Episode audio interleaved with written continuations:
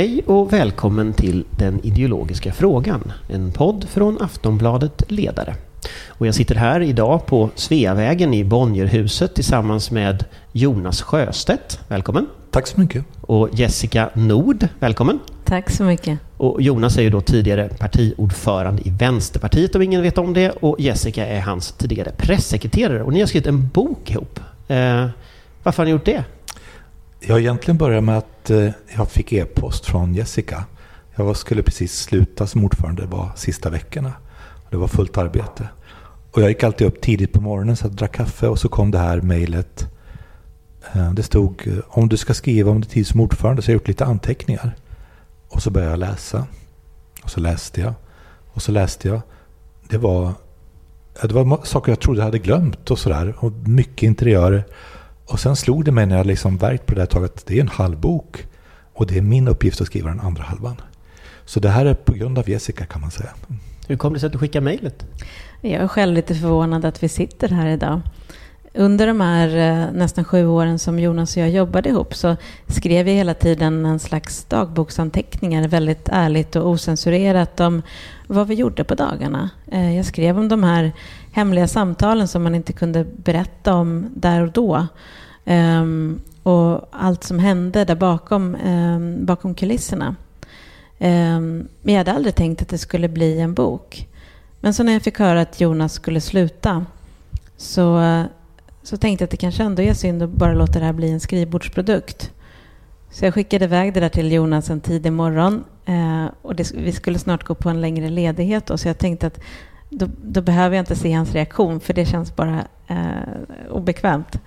Eh, Men var det någon slags dagbok du hade fört då? Eller vad var, ja, det, vad var det för så det kändes ganska personligt att skicka iväg den där långa texten. Eh, det beskrev allt som hade hänt. Eh, men Jonas tog till sig det där. Eh, och jag är också så glad i skrivprocessen att Jonas har inte velat ha bort någonting utan ehm, han har velat Eh, beskriver den ärliga bilden av vad som faktiskt hände.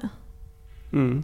Jag tänker på, eh, ni kallar boken Allt kommer att bli bra. Men vad är det egentligen som kommer att bli bra? För att när jag tittar ut över världen så ser jag att ni har liksom ni har varit ett parti i ja, snart, eller mer än hundra år nu, eh, sedan Vänsterpartiet bildades. Ni har aldrig suttit i regeringen.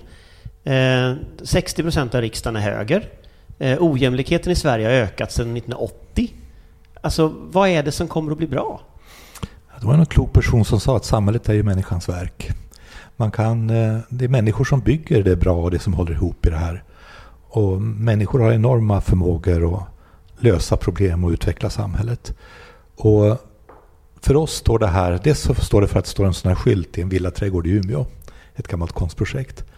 Men vi upplevde också väldigt starkt efter, framförallt efter flyktingkrisen 2015, att högern och Sverigedemokraterna blev mer och mer dystopiska. De eldade på människors ilska och rädsla. Det räckte egentligen med dåliga nyheter. Ju argare och räddare folk var, ju bättre gick de för dem.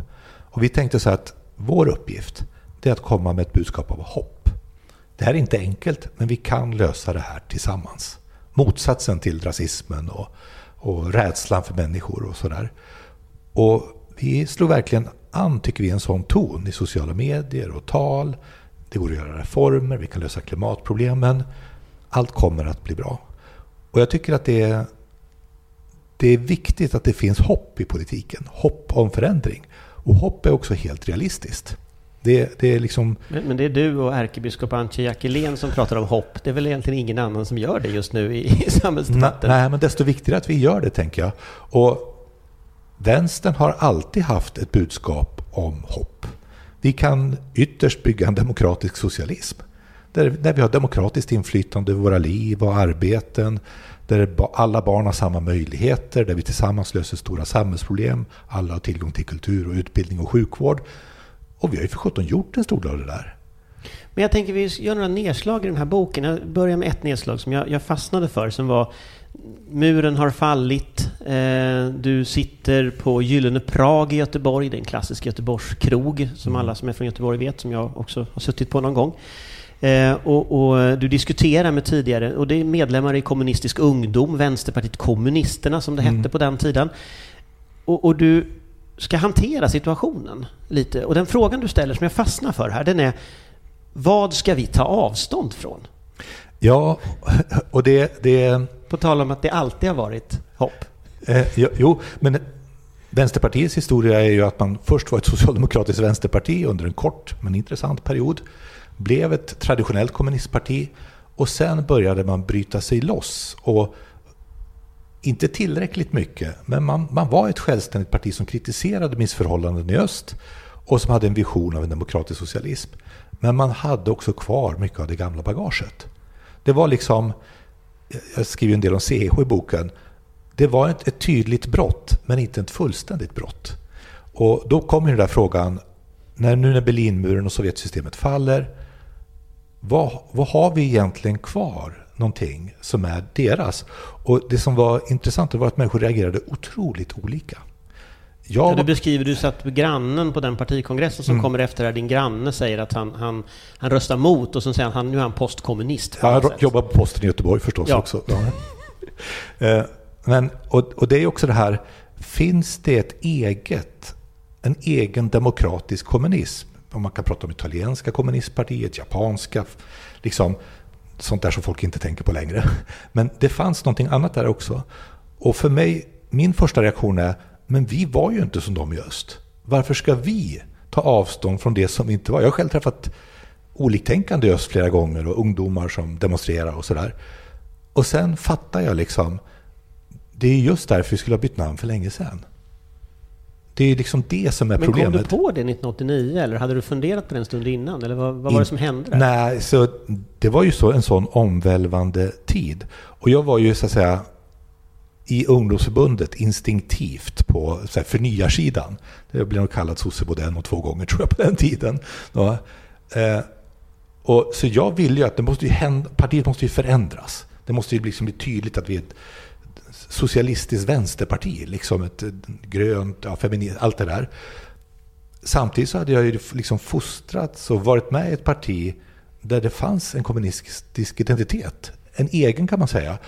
Och, det, och på något sätt var det så att då måste jag inse att den borde vi ha släppt för länge sedan. Men här tycker jag det finns ett hål i boken. För att varför går man med i ett parti som heter kommunistiskt om man inte är kommunist? Ja, men det, jag gick med i KU och åkte till Polen och träffade oppositionella ungdomar. Jag gick med i demonstrationer mot Sovjets inmarsch i Afghanistan. Jo, det, när du beskriver det och möte med oppositionella. Ja, jag tänker bara som, för det, det, är den frågan som inte får svar här. Varför går man med i ett kommunistiskt parti? Varför fick du inte med i liksom Unga Örnar? Dels så tror jag att, jag tror att det är två saker. Det ena är att jag var vänster. Och jag uppfattade sossarna som rätt maktfullkomliga, inte särskilt vänster. VPK och KU, det var liksom den faktiskt också mer vettiga vänsterkrafter jämfört med de som fanns på den tiden. Det fanns ju allehanda smågrupper. Det är liksom, Särskilt i Göteborg. Ja, och det är, liksom, det är så den politiska kartan ser ut på något sätt.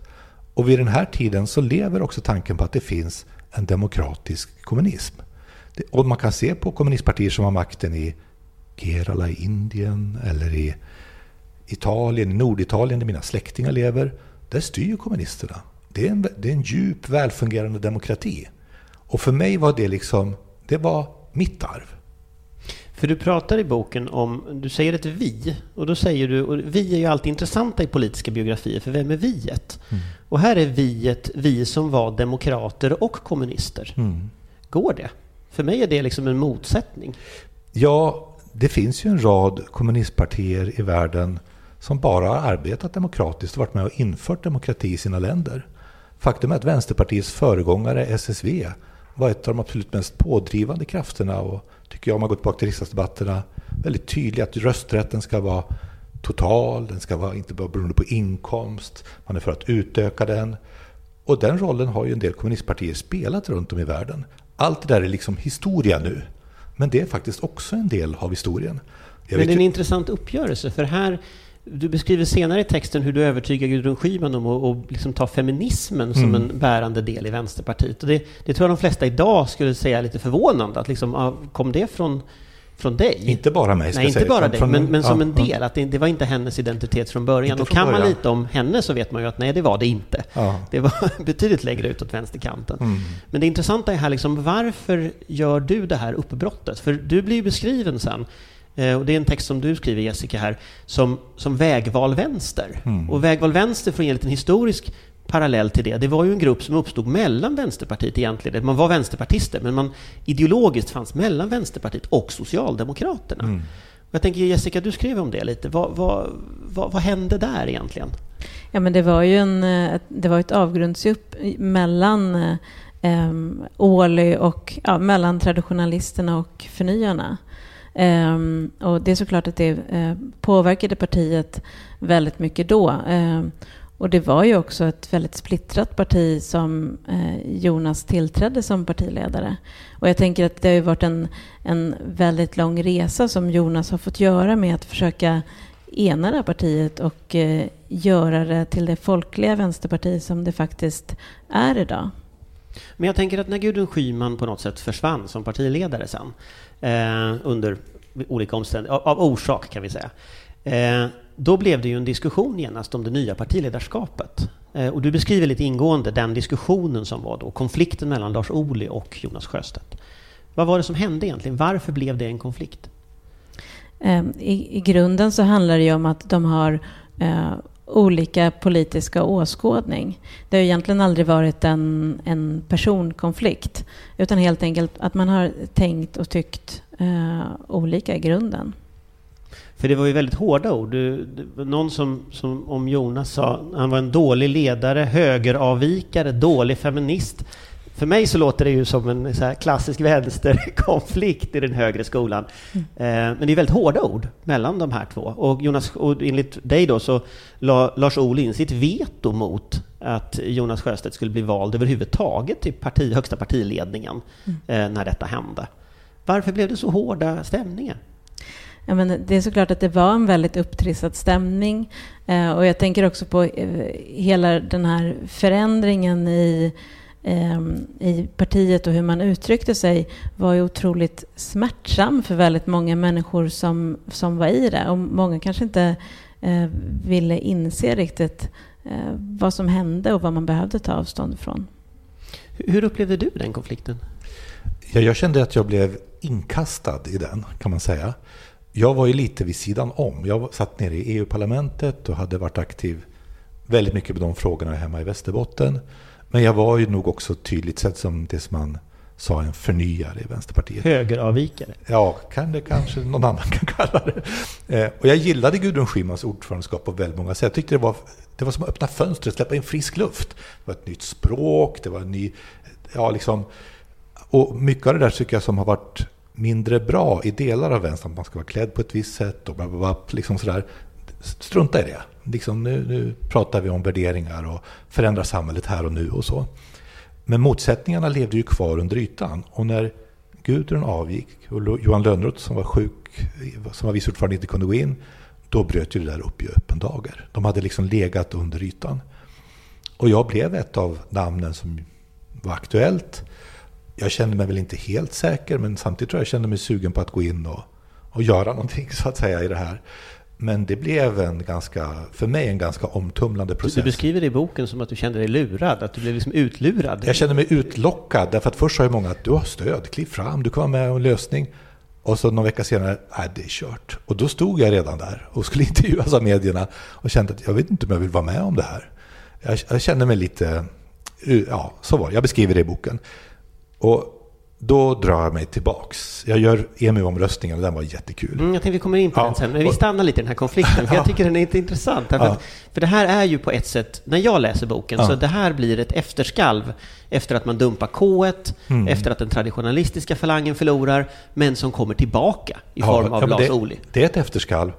Det som är intressant är att sen det kom en ny, väldigt stark ung generation i Ung Vänster på den här tiden. Många av dem sitter i partiledningen i Vänsterpartiet nu.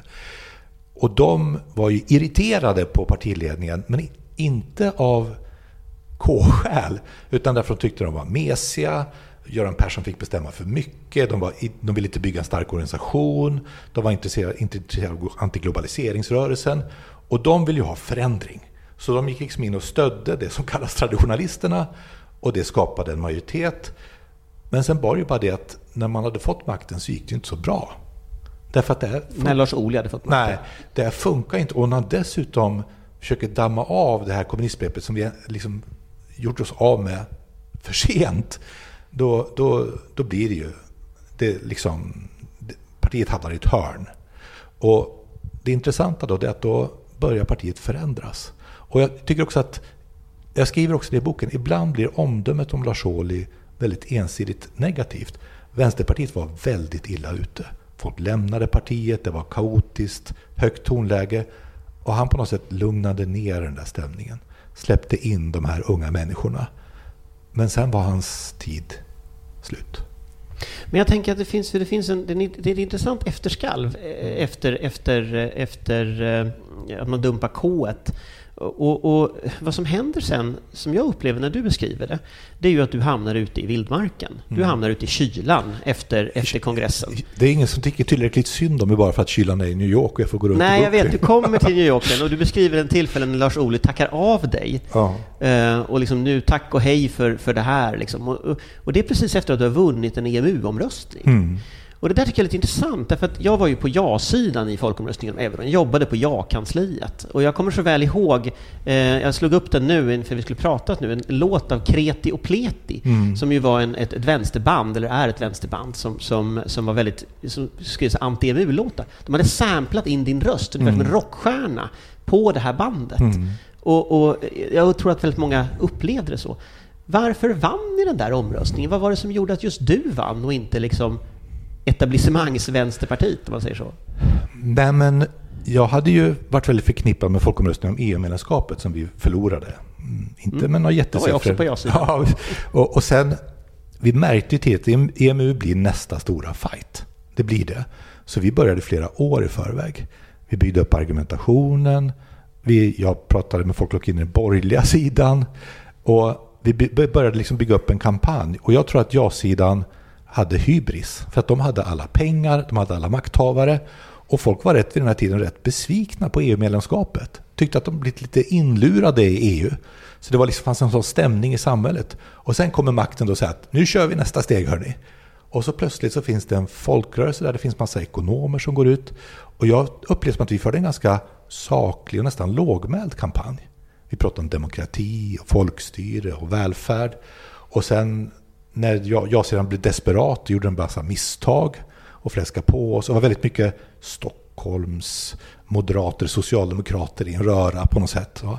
Och liksom på Volvo, men det går inte hem.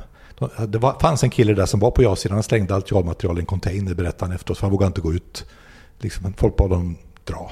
Men det fanns en strategisk grej som jag tycker var intressant och som också framkommer i det. Och det är att Vänsterpartiet historiskt har ju varit väldigt sekteristiska. Man har hållit sig mm. på sin kant och Lars Ohly är väl kanske ett ganska bra exempel på det, att man håller sig på sin kant. En av de strategiska saker som jag minns också att du argumenterade för på den tiden, det var ju att eh, ha kontakt med andra. Mm. Eh, ha kontakt med högerdebattörer, ha kontakt med arga SSU-are, ha kontakt med gamla före detta riksbankschefer som har surnat till och sådär. Mm. Eh, jag upplever att det finns en röd tråd mellan den strategin då och den strategin som finns i riksdagen nu. Att mm. lite att man samarbetar med alla, att man lämnar sitt lilla hörn. Ja, men så är det. Hur hamnade du i den analysen? Nej, men jag tänker att vi måste ju få saker gjort. Det här är ju på riktigt. Det är jätteviktigt att vi vinner EMU-omröstningen. Och EU-parlamentet lärde mig rätt mycket också därför att där finns ju ingen regering och ingen opposition. Men om du är påläst, om du känner folk om du snackar med folk så kan du även i vänstergruppen få igenom stora betänkanden i tunga miljöfrågor. Men då måste du sätta dig med den där tyska kristdemokraten. Du måste sätta dig med den där spanska socialisten. Var det det som gjorde att du satte dig med liksom före detta riksbankschefen Nej, jag, som var höger och ja, Djingis khan? Ja, visst. Jag hade inget problem så länge jag kan försvara politiken. Och det kunde jag ju. Och jag vill ju ha saker gjort. Och jag såg ju också det strategiska. Vi kom överens om att vi ska inte angripa varandra. Utan vi ska liksom argumentera för att det är bättre att ha kvar en egen valuta utifrån olika perspektiv. Och vi höll det väldigt disciplinerat. Och vi pratade med varandra. Och jag, jag kunde ju stå och peppa någon eh, bankdirektör i en debatt. Tänk på det här och sådär. Och tvärtom. Så jag tyckte att det var otroligt roligt. Och jag var också väldigt van att jobba med inte minst centerpartister och miljöpartister och socialdemokrater. Och Sören Wibe och Peter Gustavsson och allt vad de hette för någonting. Och för mig har det alltid varit ganska naturligt. Man jobbar med andra för att få det man, det man vill göra. Och det är klart det finns en linje som går därifrån till att jag knackar på Ulf Kristersson och säger att vi, 95 procent tycker vi olika, men de här 5 procenten, där kanske vi kan hitta på något.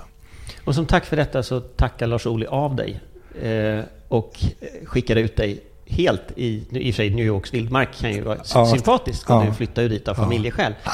Men ändå, du, du lämnar den aktiva politiken. Jag känner att antingen blir jag en oppositionell som bara gnäller. Eller så lämnar jag det här och gör någonting annat. Och då lämnar jag och gjorde någonting annat. Men nästan på väg ut från kongressen så säger Aron Etzler, har du tid fem minuter? Och så säger han, kan du skriva lite om USA i Flamman? Aron Etzler var ju alltså chefredaktör för Flamman som ja. är närstående vänsterparti. Och på den tiden tillhörde Gudrun Schyman och Johan Lönnroths hårdaste kritiker kan man säga. Men Aron har alltid tänkt lite större. Och så att, ja men det gör jag gärna. Och det var en av de saker jag gjorde i USA, det var att jag skrev åt Flamman och Finska Ny Tid och Norska Klassekampen och, och sådär. Och där, där började någonting. Ja, och det där tycker jag är lite intressant, för att du beskriver i boken hur du sitter och dricker bourbon och öl och lyssnar på bluegrass mm. och skriver texter i Flamman där hemma. Mm.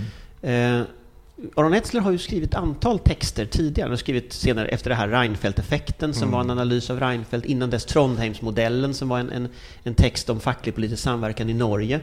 Eh, och, och, det intressanta här är att här finns ju en ny typ av vänster och den gamla högerfalangen i eh, liksom, Vänsterpartiet. Jag vet att man får inte säga höger i Vänsterpartiet. Alla är vänster, fast vi olika vänsterfalanger. Jag vet, man får inte säga högerfalang. Men, men det är ju lite intressant ändå, den här liksom nya ungdomsvänstern och den gamla högern. Vad är det som händer i det mötet? Nej, men jag tror att den här unga generationen, de börjar gå in och ta plats i Vänsterpartiet och de gör det ofta på kommunal nivå. Och ibland så är det voteringar, man ersätter gamla kommunalråd med nya unga och sådär.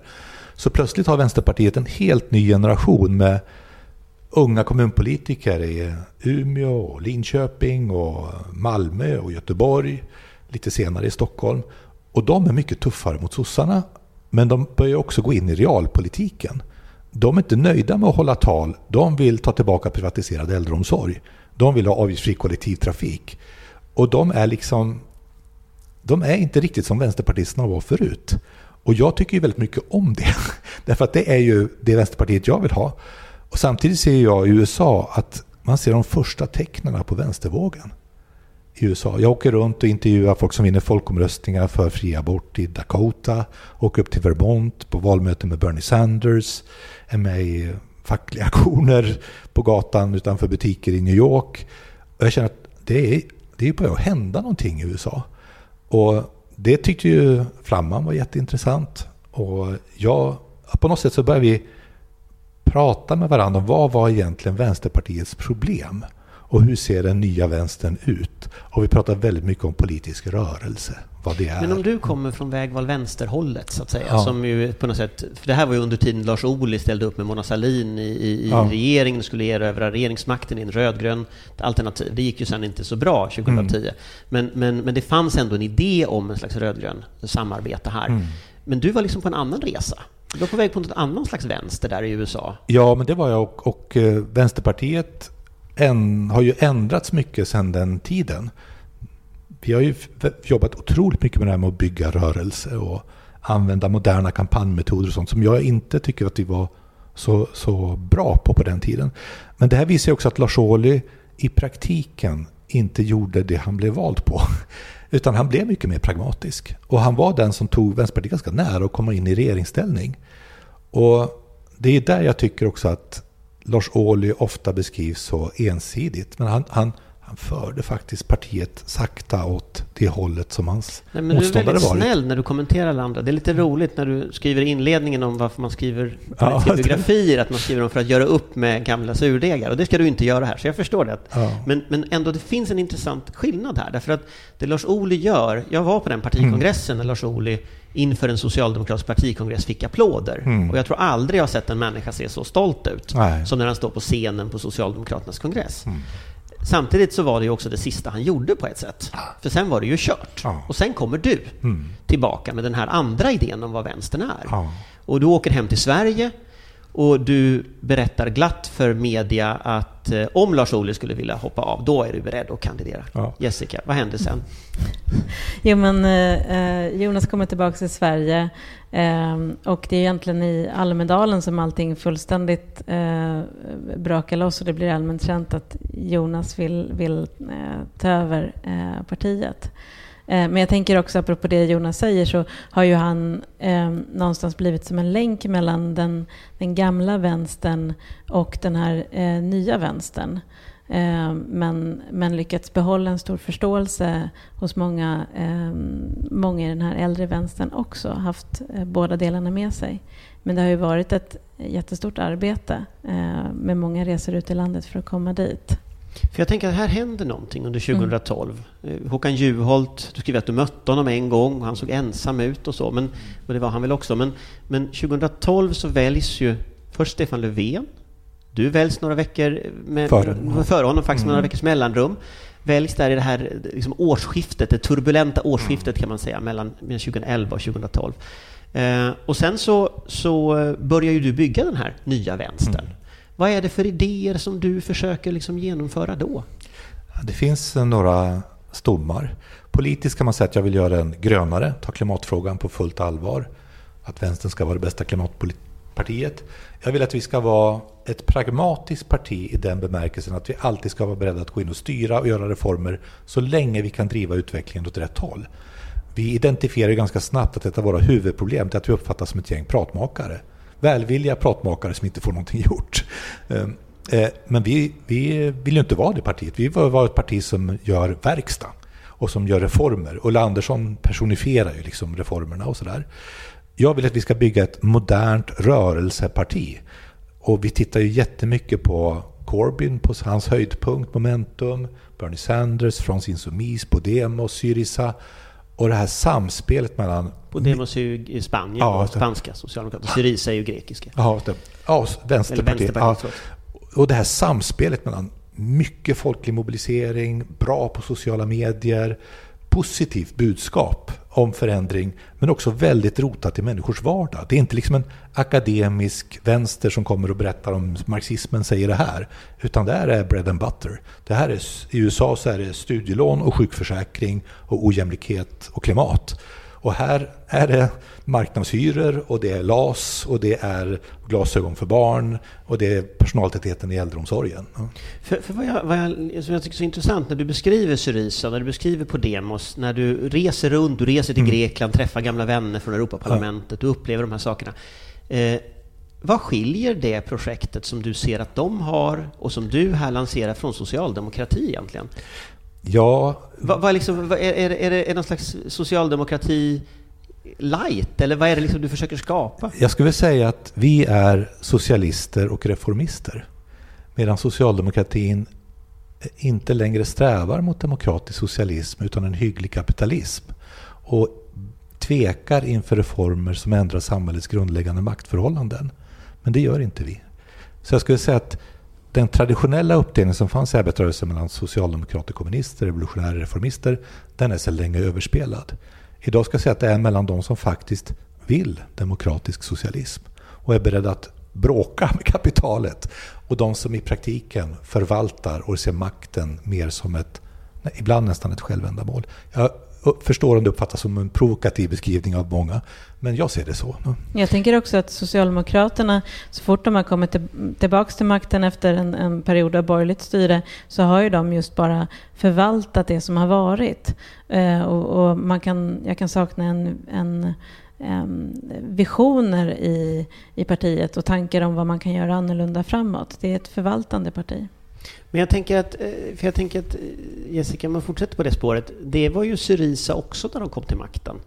Alltså i den mån Podemos har haft makt, vilket man ju också har i Nu har ju det lite rasat ihop där, men, men äh, har man ju faktiskt också förvaltat. Mm. Alltså hur, hur, tänker du? Och jag borrar lite här i vad faktiskt skillnaden är. Är det liksom socialdemokratisk retorik och att ni vill ha makt bara? Eller liksom, vad, vad är det här? jag tror att det handlar om att vi, vi vill att reformer ska förändra för vanligt folk i deras vardag. Och det är, det är som du var inne på i början, att Jonas har ju hela tiden haft eh, på något sätt sakpolitiken i centrum. Man kan prata med massa olika människor om det här så att man faktiskt behöver uppnå vissa saker. Det gjorde att han han pratade med moderater och med kristdemokrater i vissa lägen. Ehm, och eh, ehm, det har varit det som var viktigt för oss under 2014 till 2018 så drev vi igenom ett, ett stort antal reformer. Jag tycker också att eh, för mig som socialist så kan man säga att den gamla VPK-synen på socialister var att vi står här och delar ut flygblad och en dag så ändras alltihopa och så får vi ett socialistiskt samhälle. Lite rått sådär va. Jag säger att det finns starka socialistiska inslag i vårt samhälle idag. Det är det som gör vårt samhälle anständigt. Och jag ser det som att genom att bygga ut de inslagen så går vi mot demokratisk socialism. Och för mig är inte det bara en... Men vad skiljer det från liksom en, grund, en, en grundläggande socialdemokratisk samhällsanalys? Har du gått och blivit socialdemokrat? Liksom? Nej. Är det, det som var, var det, det som hände där 2012, 2013? det, det som händer när vi möter Socialdemokraterna det är att de vill ju inte det. De vill inte ta bort några vinster i välfärden. De vill inte beskatta De försökte. Banker. Ja, för det var för att vi tvingade dem. Jo, men de försökte. Ja, ja, fast det gick inte jättebra, nej, för de blev nedröstade, men, men de försökte. Nej, men först försökte Stefan Löfven övertyga mig i två år om att vi inte skulle göra det. Jo, jo, men de försökte. Jo, det var för att vi tvingade dem. men alltså, jag, jag menar att, att vänstern måste utmana den ekonomiska makten. I klimatpolitiken måste man utmana fossilindustrin, man måste utveckla och utmana den finansiella kapitalismen, man måste liksom tämja den, man måste ha mer inslag av demokrati i ekonomin och så. Och idag är det liksom Vänsterpartiet som, som, som fyller den funktionen i svensk politik. Jag skulle önska att det fanns fler partier som gjorde det, men jag kan, inte, jag kan tyvärr inte se det. Så du är äkta socialdemokrat, men Socialdemokraterna är det inte? Nej, jag är socialist. Jag, du ser vad jag försöker jag, fiska efter. Jag förstår. Vad är liksom den idépolitiska skillnaden, förutom att Socialdemokraterna inte lyckas genomföra det? Nej, men jag menar att idépolitiken då, att, att socialismen inte är det är någonting liksom på första maj i Socialdemokraterna. Men för oss är det en, en del liksom av politiken på ett annat sätt. Så att det har liksom rört på sig. Vi har blivit mer realistiska tycker jag i vår syn på vad socialism är och hur det ska byggas och så. Socialdemokratin har i allt väsentligt släppt det. Liksom. Även om det finns massor med bra socialister i socialdemokratin som, som medlemmar och så. Sen är det också frågan om andra saker som partikultur. Jag är ska säga, mera grön, jag gillar det feministiska. Socialdemokraterna och Vänsterpartiet har väldigt olika partikultur. Jag tänkte vi ska komma tillbaka till just den här frågan. Mm. För, för här 2012-2013 så börjar ju Socialdemokraterna och Vänsterpartiet vandra lite isär. Fram till 2010 var det ett gemensamt projekt. Den rödgröna valrörelsen 2010 var gemensam. Men när vi kommer fram till 2014, Jessica, så beskriver du hur man möts i Cefalus. Cefalus är ett av riksdagshusen där, där Socialdemokraterna sitter. Eh, inför slutdebatten så samlas Löfven, Sjöstedt och Fridolin i ett rum. Och då säger det kommunikationschef, det var väl ett sätt att kidnappa oss? Mm. Att mm. ni fick vara med överhuvudtaget? Ja, men, eh, det var ju en del eh, möten före slutdebatten 2014. Eh, och, och, man kan ju så här efterhand fundera på om det var för att faktiskt prata igenom vem som skulle säga vad och upplägget i debatterna eller om det var en ren formsak bara att ses, eller om det faktiskt var så att, att man eh, genom att ha de här mötena tänkte att man eh, kunde undergräva de värsta argumenten eh, från oss. Ehm, det, det, det litar inte på att Socialdemokraterna ville väl? Det, det, är såklart, vi är olika partier. Eh, så är det, det är helt olika partikulturer som eh, som möttes där. Och det, det, märker man också i, i, i, boken, hur vi hade olika sätt att hälsa och eh, olika sätt att vara mot varandra. Jag ser det så här, eller min teori, nu är det bara min teori, det är att ledningen för Socialdemokraterna efter valet 2010, som ju var en smärtsam valförlust för socialdemokratin, drog slutsatsen att vi måste gå mot mitten, bryta upp alliansen. Därför kan vi inte bedriva en vänsterpolitik som provocerar och vi ska, när det är möjligt, hänga av Vänsterpartiet. Det tror jag liksom var... Det, det har präglat hela Löfvens tid. Mitten och makten, det har varit projektet så att säga. Inte så mycket politikens innehåll. Och det är klart att vi fattade det. Vi är ju inte helt Ja, du, skriver att, du, skri, du, skriver att du inte blev särskilt förvånad. Nej. Du blev sur, eller du blev besviken skriver ja. men inte förvånad. Nej, just det. Det är klart att vi fattar det. Men nu i det här läget så behövde de oss. Annars så blev det ingen budget. Ja, då satte vi Och då, då, då liksom, I och med att sossarna hela tiden vill gå den där vägen så föder det en hel rad politiska konflikter. Jag skulle kunna tro att egentligen så var ju mitt och Ulla Andersson, som ju nästan är ett gemensamt ordförandeskap, ganska annorlunda mot Lars Ohly. Men att Socialdemokraterna agerar mot oss utifrån erfarenheten med Lars Ohly.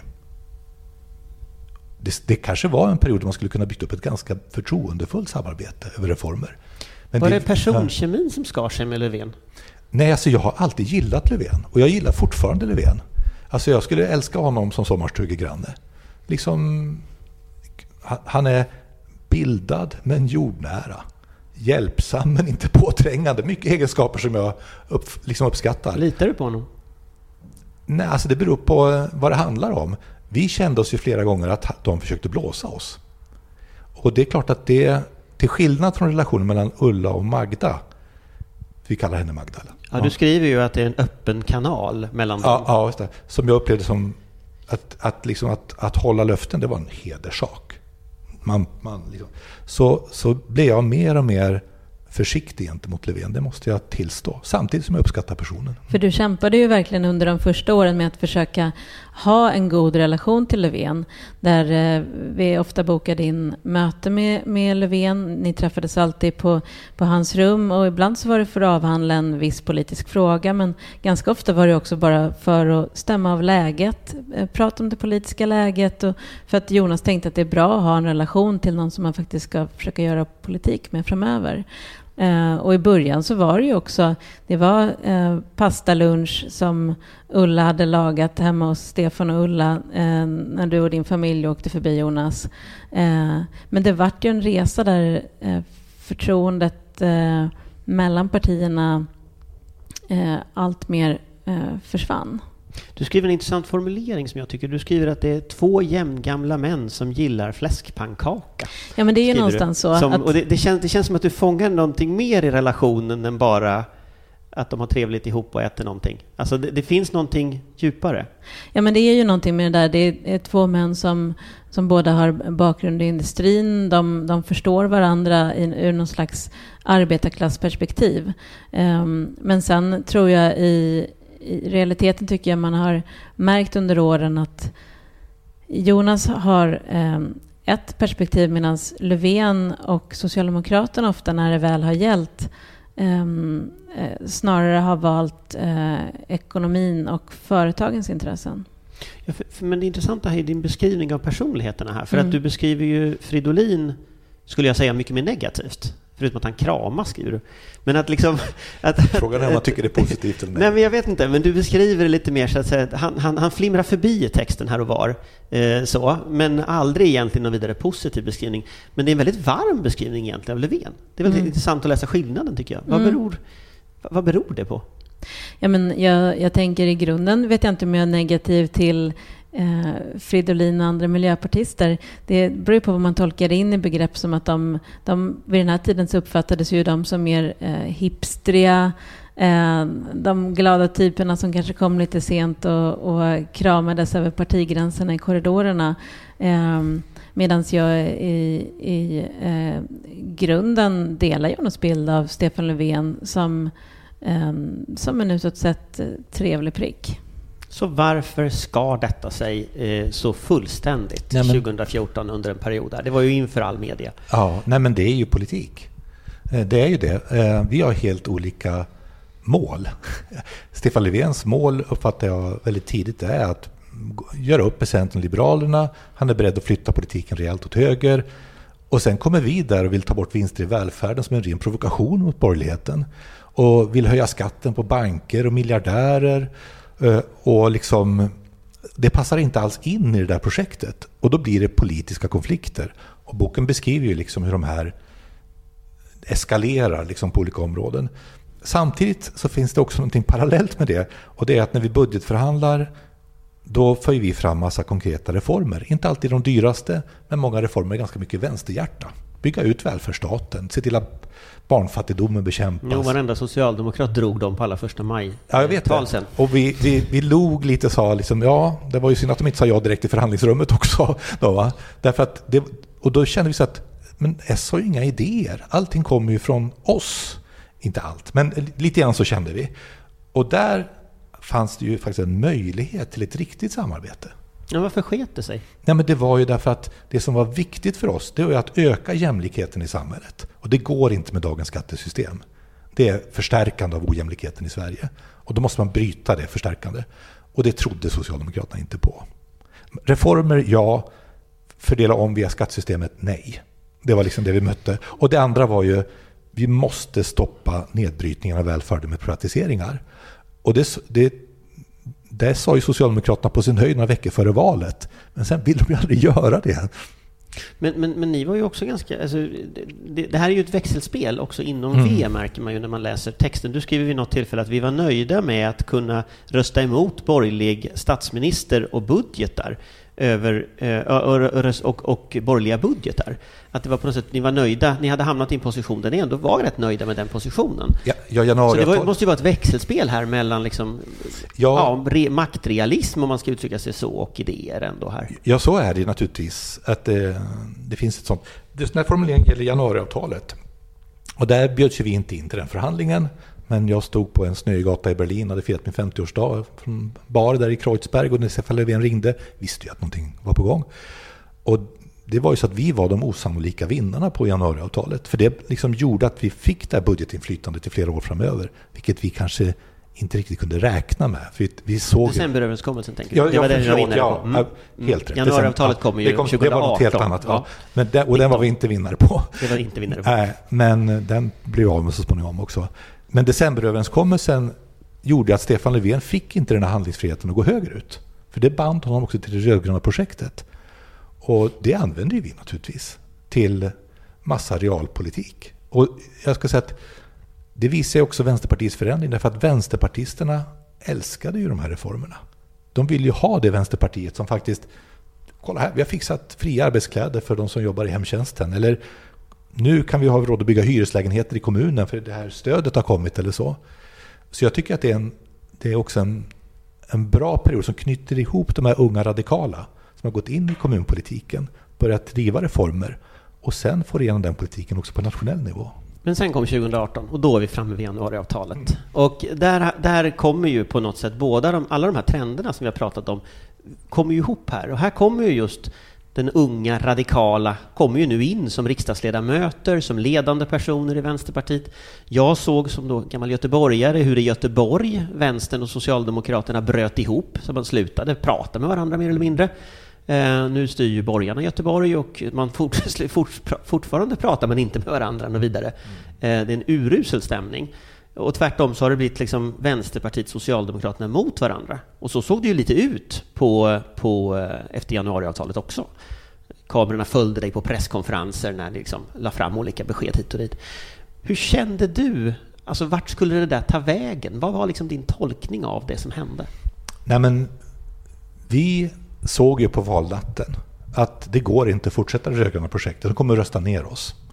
Vi, det, den här liksom unikumet att vi kunde bedriva vänsterpolitik med högermajoritet, det var över. Man måste snacka med Centerpartiet och kanske även Liberalerna. Det flaggade vi. Vi fattar det. Vi kan också prata med dem.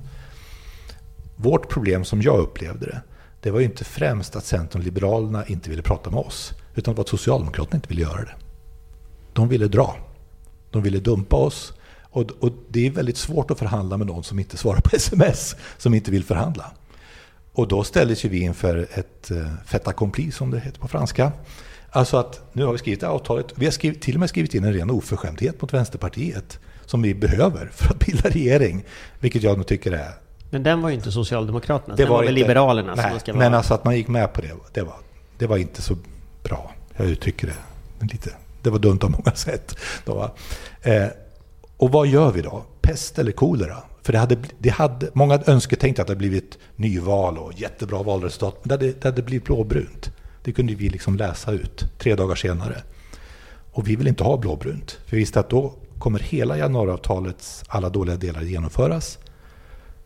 Sverigedemokraterna kommer att komma till makten, vi kommer att drabba folk, alltså även om de inte sitter i regering. Och det kommer inte bli någon klimatpolitik. Pest sägs ju vara en värre sjukdom än kolera, så vi valde kolera. Och, men vi hade också från dag ett så tänkte vi, vi måste ju, vi kan ju inte acceptera den rollen. Men det är nu regeringsfrågan avgörs. Sen kan vi ändra politiken. Och vårt mål var ju att plocka ner januariavtalet. Först bit för bit, sen som helhet. Och, och fokusera på frågor som var bra för oss och viktiga för Sverige. Och det är ju faktiskt det som Vänsterpartiet har gjort. Och där någonstans när Nooshi Dadgostar sommaren 2021 avslutar det arbetet. Mm, jag tänker vi kommer ja. till det, därför att du säger mm. några saker som jag tycker är väldigt intressanta mm. där i, det här, i, i boken. Så säger du Sverigedemokraterna skulle vara värre än januariavtalet. Mm. Och det där tycker jag är en intressant formulering. Därför att, och du skriver också, du jämför med spanska socialdemokraterna, där Pablo Iglesias, Podemos ledare, eh, riskerade att mm. hamna i en högermajoritet. Med den skillnaden att vi har då sex av tio eh, riksdagsledamöter borgerliga här, mm. så att det var liksom rätt kört. Mm. Och så säger du, jag blev ingen Pablo Iglesias. Jag kunde inte bli det. Du kunde inte bli det. Men, men, men är det inte så att ni har ändrat den analysen nu? För nu, eh, så att säga, när, när ni tar konflikten med Eva Nordmark om att mm. avsätta henne, när ni har, nu blev det inte lika de konflikt om LAS, men det liksom fortsätter mm. i samma riktning, då riskerar ni ju faktiskt det. Vi vet ju så här att Socialdemokraterna släpper inte makten. Det är liksom makten först. De, skulle, de tål det där. Vi diskuterade det i vårt VU, jag liksom säger också, hur mycket stryk tål Socialdemokraterna? Och min slutsats är att de tål ganska mycket bara för att ha ministrar. Liksom. Det är liksom vår krassa analys här. Och sen tänker vi, det som är förvånar oss, det är att jag tänker att en rimlig socialdemokrat borde egentligen tycka att det här är bra. Slipper vi genomföra en massa dynga som Centern har tvingat på oss. Men ledningen i socialdemokratin reagerar med vrede istället. Får vi inte genomföra marknadshyror? Får vi inte slå sönder... Ja, men liksom på något sätt lite... Mm. ja. Men de, de blir jättearga Men på Eva oss. Nordmark, om vi börjar med den första mm. av dem, så ja. var det ju arbetsmarknads... Ja, eller avreglerat haveriet i, i AMS, arbetsmarknadsstyrelsen och sådär, arbetsmarknadspolitiken.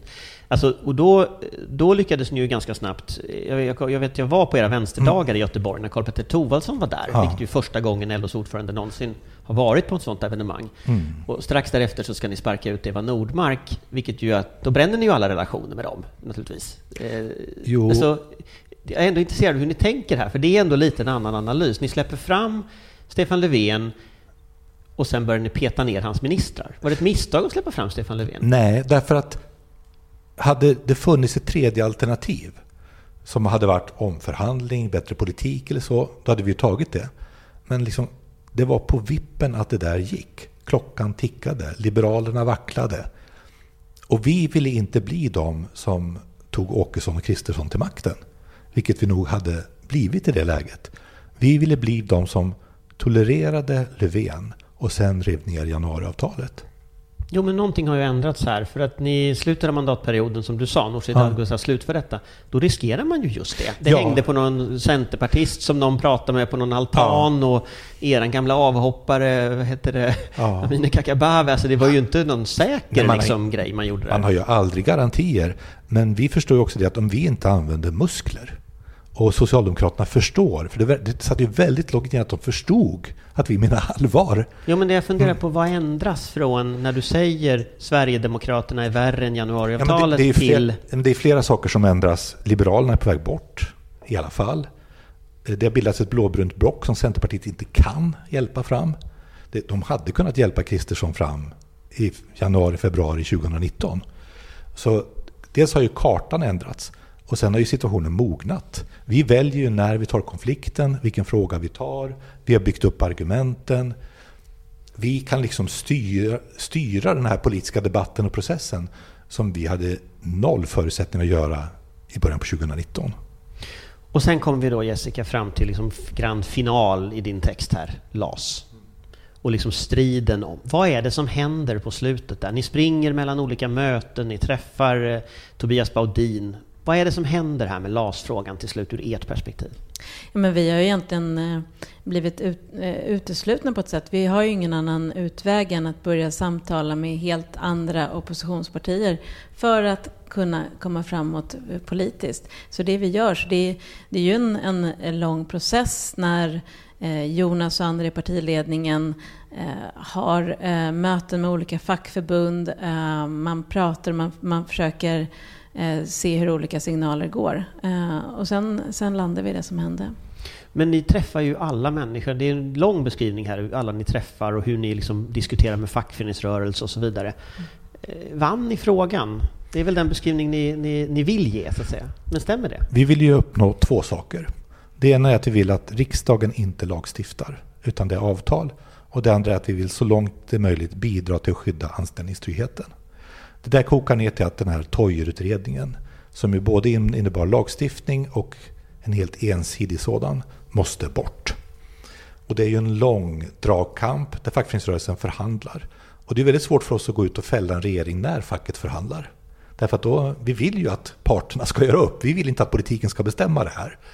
Så det är ju liksom en balansgång. När ska vi agera? Och så länge man förhandlar och det finns hopp om att få bort bra saker så liksom vi på att säga att Toijerutredningen kan aldrig genomföras, släpp det där eller så. Och till slut är det ett läge där det har brutit ihop två gånger. Eh, och eh, då eh, ringer vi Löfven och säger att nu måste Toijerutredningen bort, annars kommer vi att fälla er vid ett tidpunkt 10.00 en fredag förmiddag. Men det är ju väldigt delikat, därför att vi vill ju inte att politiken ska avgöra det här egentligen. Vi vill, vi vill göra det möjligt för LO att komma fram till någonting bättre. Men sen är det ju så att LO är splittrat, fackföreningsrörelsen som helhet är splittrad eh, och många vänsterpartister är ju inte särskilt glada åt den överenskommelse som blev, om man ser på innehållet.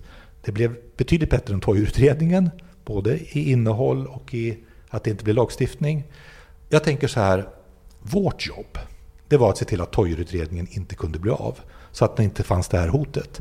Fackföreningsrörelsens jobb, det var att under de maktförhållanden som finns på arbetsmarknaden försöka förhandla fram ett så bra avtal som möjligt. Jag tyckte att vi skötte vårt jobb. Eh, och man kan säga så här, vårt mål har aldrig varit att avsätta Löfven. Vårt mål har varit att påverka politiken. Men som, som, som fråga, liksom, vann ni LAS? Ja, jag tycker att vi gjorde vårt jobb och fick bort Toijerutredningen. Samtidigt så är det svårt att känna någon glädje med tanke på att fackföreningsrörelsen gjorde så stora eftergifter i avtalet. Det är också en frustrerande period därför att eh, vi, vi gjorde ju saker bakom kulisserna som inte syntes utåt. Vi blev ju väldigt anklagade därför att inte var tillräckligt eh, hårda och driva på tillräckligt mycket. Men vi ställde ju faktiskt ultimatum som inte syntes utåt. Men när jag läser boken så får jag ju känslan av att ni ju funderar på kritiken inifrån, eller kritiken från vänster, snarare än egentligen eh, det här att det finns ett starkt tryck i Vänsterpartiet att ta i. Mm. Eh, och, och, när jag liksom läser mellan raderna så var det ett väldigt starkt tryck. Hur lät det egentligen internt? Nej men alltså, du kan tänka dig själv efter januariavtalet. Folk var ju förbannade på Socialdemokraterna. Man kände sig liksom trampad på. Här har vi regerat ihop i fyra år. Gjort det möjligt att regera och kompromissat och det har i huvudsak fungerat bra. Trots alla slitningar. Sen vi blev behandlade som någonting som katten har släpat in. Så det var hämnd? Nej, det var inte hämnd. Men stämningen i vår medlemsbas var ju inte att oj, nu ska vi vara snälla mot sossarna. Utan att nu ska, vi, nu ska vi stoppa högerpolitiken. Och det, vi börjar ju göra det när vi kan göra det. Men det är ju ingen som känner att oj vad lojala sossarna har varit mot oss. Nu ska vi vara lojala tillbaks. Men jag, jag tänker så att man måste vara, man måste sätta politiken främst, innehållet främst. Hade den svenska modellen brutit ihop i lagstiftning så är det betydelse för jättelång tid framöver. Samma med hyresregleringen och så. Och det måste ändå vara det som vi sätter först. Men var det där det grundlades att Nooshi Dadgostar sen fäller regeringen? Hon gör egentligen det som vi gemensamt i partiledningen säger 2019. Det finns två röda linjer. LAS-situationen blev mer oklar än vad vi trodde, mycket på grund av vad som hände i fackföreningsrörelsen. Marknadshyrorna blir kristallklart. Vänsterpartiet säger, regeringen säger, haha, det tänker vi inte göra. Hyresgäströrelsen säger... Men tror ni inte att det var så att ni hade för många gånger hotat med att göra saker utan att göra det, så att därför trodde ingen på er? Nej, jag, jag tror att det snarare handlar om socialdemokratins bild av sig själva och av oss. Har man kört över Socialdemokraterna två gånger och gjort en annan statsbudget under perioden, helt unikt. Varit nära att avsätta arbetsmarknadsministern, gjort upp i ett antal andra frågor. Löfven vet ju att vi har ställt ultimatum om Toijer och de backade före ultimatumet kom. Och sen kommer en ny grej. Och så tror man inte att det är på riktigt. Jag tycker att det är, det är... eh, Underskattade Löfven Vänsterpartiet och Nooshi Dadgostar? Ja, jag tycker att de har underskattat... De har inte förstått att Vänsterpartiet idag är ett annat Vänsterparti än det var för, för ganska länge sedan. Nej, för då kommer vi tillbaka till dig Aron Etzler i, i New York. Och det där tycker jag är lite intressant för att när jag ser vänstern i Göteborg och just den här konflikten med Socialdemokraterna som gör att liksom borgarna kan i lugn och ro styra och vänstern och sossarna bråkar med varandra. Riskerar vi att hamna i ett liknande läge på riksnivå? För det är ju samma vänsterparti på något sätt på riksnivå som har funnits i Göteborg ett tag. Ja, alltså om inte Förutom Socialdemokraterna... att många då kommer från Göteborg Ja. dessutom. Nej, men om Socialdemokraterna pass, liksom räknar med Vänsterpartiets stöd utan att ge Vänsterpartiet inflytande i politiken så kommer det inte att bli så. Då kommer det att bryta ihop. Men hur kommer, med sex av tio riksdagsledamöter som är höger, hur kommer det då vara möjligt att bilda en regering? Nej, men det mest sannolika valresultatet... Nu ska jag säga att på sikt går det att få progressiva majoriteter. Se på Norge, se på Danmark. Det är inte, det är inte De har kört. fått suttit i opposition ett tag. Så var är, det, så är det. Men alltså, vi ska inte ge upp tanken på progressiva majoriteter i Sverige. Absolut, men nu. Nej, men nu... Nej, men Centern måste vara med. Och vi sa ju redan före valet 2018, vi är beredda att sätta oss ner med Centerpartiet. Det är inte, det är också en del av det nya Vänsterpartiet. Vi styr ju massa kommuner med Men, Centerpartiet. men hur övertygar du Annie Lööf om det? Ja, jag tror att verkligheten är väl det bästa argumentet. Vad ska hon göra annars då? Lägga ner rösterna, gå i opposition, det har de ju sagt. Jo, men då är det i sånt fall Annie Lööf som för Åkesson och Kristersson till makten. Då är det nog slut med Annie Lööf som politiker.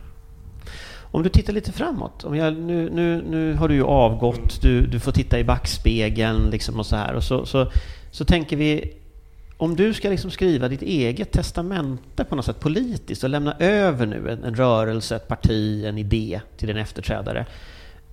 Hur ändrar man det här fundamenta med att sex av tio röstar höger? Hur liksom får du en ny progressiv majoritet i Sverige? För det är ju någonstans det enda som...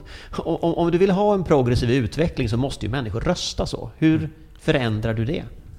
Det vi försökte göra, därför att vi anpassade oss ju kanske minst av alla till det förändrade samhällsklimatet, man säger asyl och migration och så. Det var att vi försökte gå tillbaka till det som vi tycker är de stora avgörande frågorna. Ojämlikheten, klimatfrågan, otryggheten, bostadsbristen. Och min upplevelse är ju väldigt stark av att när debatten handlar om det och när konflikten handlar om det, då vinner vänstern. Om man ängsligt anpassar sig för att låta lite som högern och spela på liksom det de vill, då är det väldigt svårt. Och jag tror att nästa val kommer bli en dragkamp om vad valet handlar om. Och det kommer också kanske vara avgörande för dess utgång.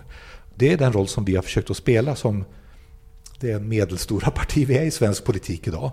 Och det är den roll som jag tycker Vänsterpartiet ska göra. Och sen ska vi vara ett folkligt parti som även undersköterskan i Fagersta och byggjobbaren i Borås känner att de pratar så jag fattar, jag tycker det är bra, jag kan rösta på dem. Jag tror en del vänsterpartier i Europa har gått mot att bli mer av urbana medelklasspartier. Och det har ju inte varit vårt projekt. Fast ni är ju, om man ska vara ärlig, ett, ett parti som har rätt mycket... I Göteborg då så skojade man ju om att det var det partiet som socialsekreterare och bibliotekarie röstade på. En slags medelklass som var kanske första generationens klassresenärer förvisso. Ja. Men, men ändå att det var den bildade medelklassen på något sätt. Det, det är alldeles sant att vi är starka i Majerna och Midsommarkransen och runt Möllan. Men det är också sant att våra bästa kommuner är Sorsele, Malå, Degerfors och Hällefors och Pajala, som inte riktigt är den typen av befolkning. Och det är också sant att en, vi är betydligt starkare bland LO-medlemmar än i väljarkåren i genomsnitt idag. Men det är kanske mer är de unga tjejerna som sitter i kassan och jobbar på äldreboendet än de äldre byggnadsarbetarna. För under frågan så ligger ju naturligtvis det faktum att en stor del av arbetarklassen idag är hos Sverigedemokraterna. Mm. Vad kan liksom Vänsterpartiet göra för att de inte ska hamna hos extremhögern utan komma till antingen Vänsterpartiet eller Socialdemokraterna, men i alla fall på liksom rätt sida blockgränsen? Jag tror att det handlar om att eh, vilka frågor man lyfter, vilka konflikter man tar. Att man inte så att säga är som ett rö för vinden i, när högern blåser på. Och det andra är att vända sig till de här människorna och ta deras liv och livsvillkor på allvar. Och erbjuda politiska lösningar. Men hur gör man det? Det är genom att utforma en politik för att utveckla industrin, för att se till att klimatomställningen faktiskt betalas mest av de som förstör klimatet mest. Att ha ett språk, en organisering, en närvaro. Liksom att, att, att vara en del där. Och eh, jag känner att jag är på väg ut dit jag inte ska vara, att prata om framtiden, för det är dagens partiledare. Det är dit jag lockar dig. Jag, jag, jag, jag inser det, och du inser det. Men, men jag tycker att det där... Vänsterpartiet är faktiskt det partiet också. Det, vi jag, tänker, jag tänker att om jag tittar på situationen, jag läser din bok från början till slut, eh, som ni har skrivit den, så du börjar ju på något sätt din maktperiod eh, med att, ungefär samtidigt som Stefan Löfven, och nu avgår Stefan Löfven, eh, ungefär samtidigt som du gör. Det blir en, en tioårsperiod i svensk politik där två metall, med bakgrund i metall och, och med någon slags arbetarklassbakgrund eh, har liksom ledande av två, två av, av eh, arbetarrörelsens organisationer. Medan då Karl-Petter Thorwaldsson, också med bakgrund i Metall, under större delen av tiden ledde LO. Nu kommer en ny generation, andra människor eh, in i det här. Jag inser i boken att du inte riktigt klickar riktigt med, med Sanna Gideonsson märker jag att hon var en annan typ av karaktär. Men, men om vi tittar på Nooshi Dadgostar, hon har läst juridik, hon är en helt annan typ av, av ledare än du. Magdalena Andersson som ser ut att bli ledare för Socialdemokraterna, är också en helt annan typ. Har haft mycket bättre relation med Vänsterpartiet historiskt. Eh, vad ser du framåt? Och då får du vara politisk kommentator nu, så att säga. Du tänker liksom rollen, du är Mats Knutsson här. Ja. Vad, vad tänker du framåt? Nej men jag tror ju att, att eh, för att kunna skapa ett mer jämlikt Sverige och bryta den här borgerliga dominansen i opinionen så måste socialdemokrater och vänsterpartister kunna göra upp med varandra. Vänsterpartiet kommer inte och få inflytande mer än i vissa undantag som vi har använt senaste mandatperioden om vi inte har ett, kan prata med Socialdemokraterna och göra upp. Och Socialdemokraterna måste inse att maktförhållandena är inte 10 mot 1 längre. De kanske är 3 mot 1 eller 2 mot 1 i nästa val. Men att det är bra att kunna bygga förtroende och prata med varandra. Och att den, utan Vänsterpartiet har det ju faktiskt inte gått. Det är faktiskt lärdomen av den här perioden. Det blev en jäkla röra när man skulle utstänga Vänsterpartiet. Därför Vänsterpartiet godtog inte det. Och Vänsterpartiet kommer inte att godta det. Och då tänker jag att då är det bättre att sätta sig ner, ta en kopp kaffe och snacka om hur ska vi hantera det här. Så Jessica, hur ska Magdalena Andersson bli vald säkert i november om inte något osannolikt inträffar? Det kan ju hända vad som helst i det partiet. Men säg att Magdalena Andersson blir vald. Vad ska hon göra? Du som har haft hand om kontakterna mellan partierna. Vad var hennes första samtal? Eh, den typen av tankar om politiken framåt, där vill inte jag lägga mig eftersom jag eh, fortfarande har den roll som jag har i, i partiet just nu. Tack så jättemycket för att ni var med. Tack så jättemycket Anders. Tack själv.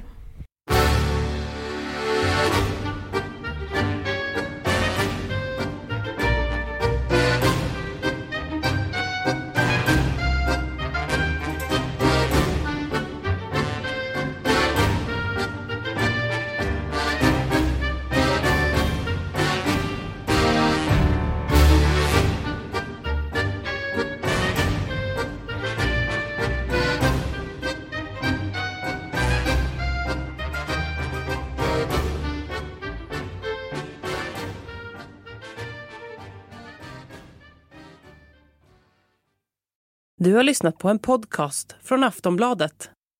Ansvarig utgivare är Lena K Samuelsson.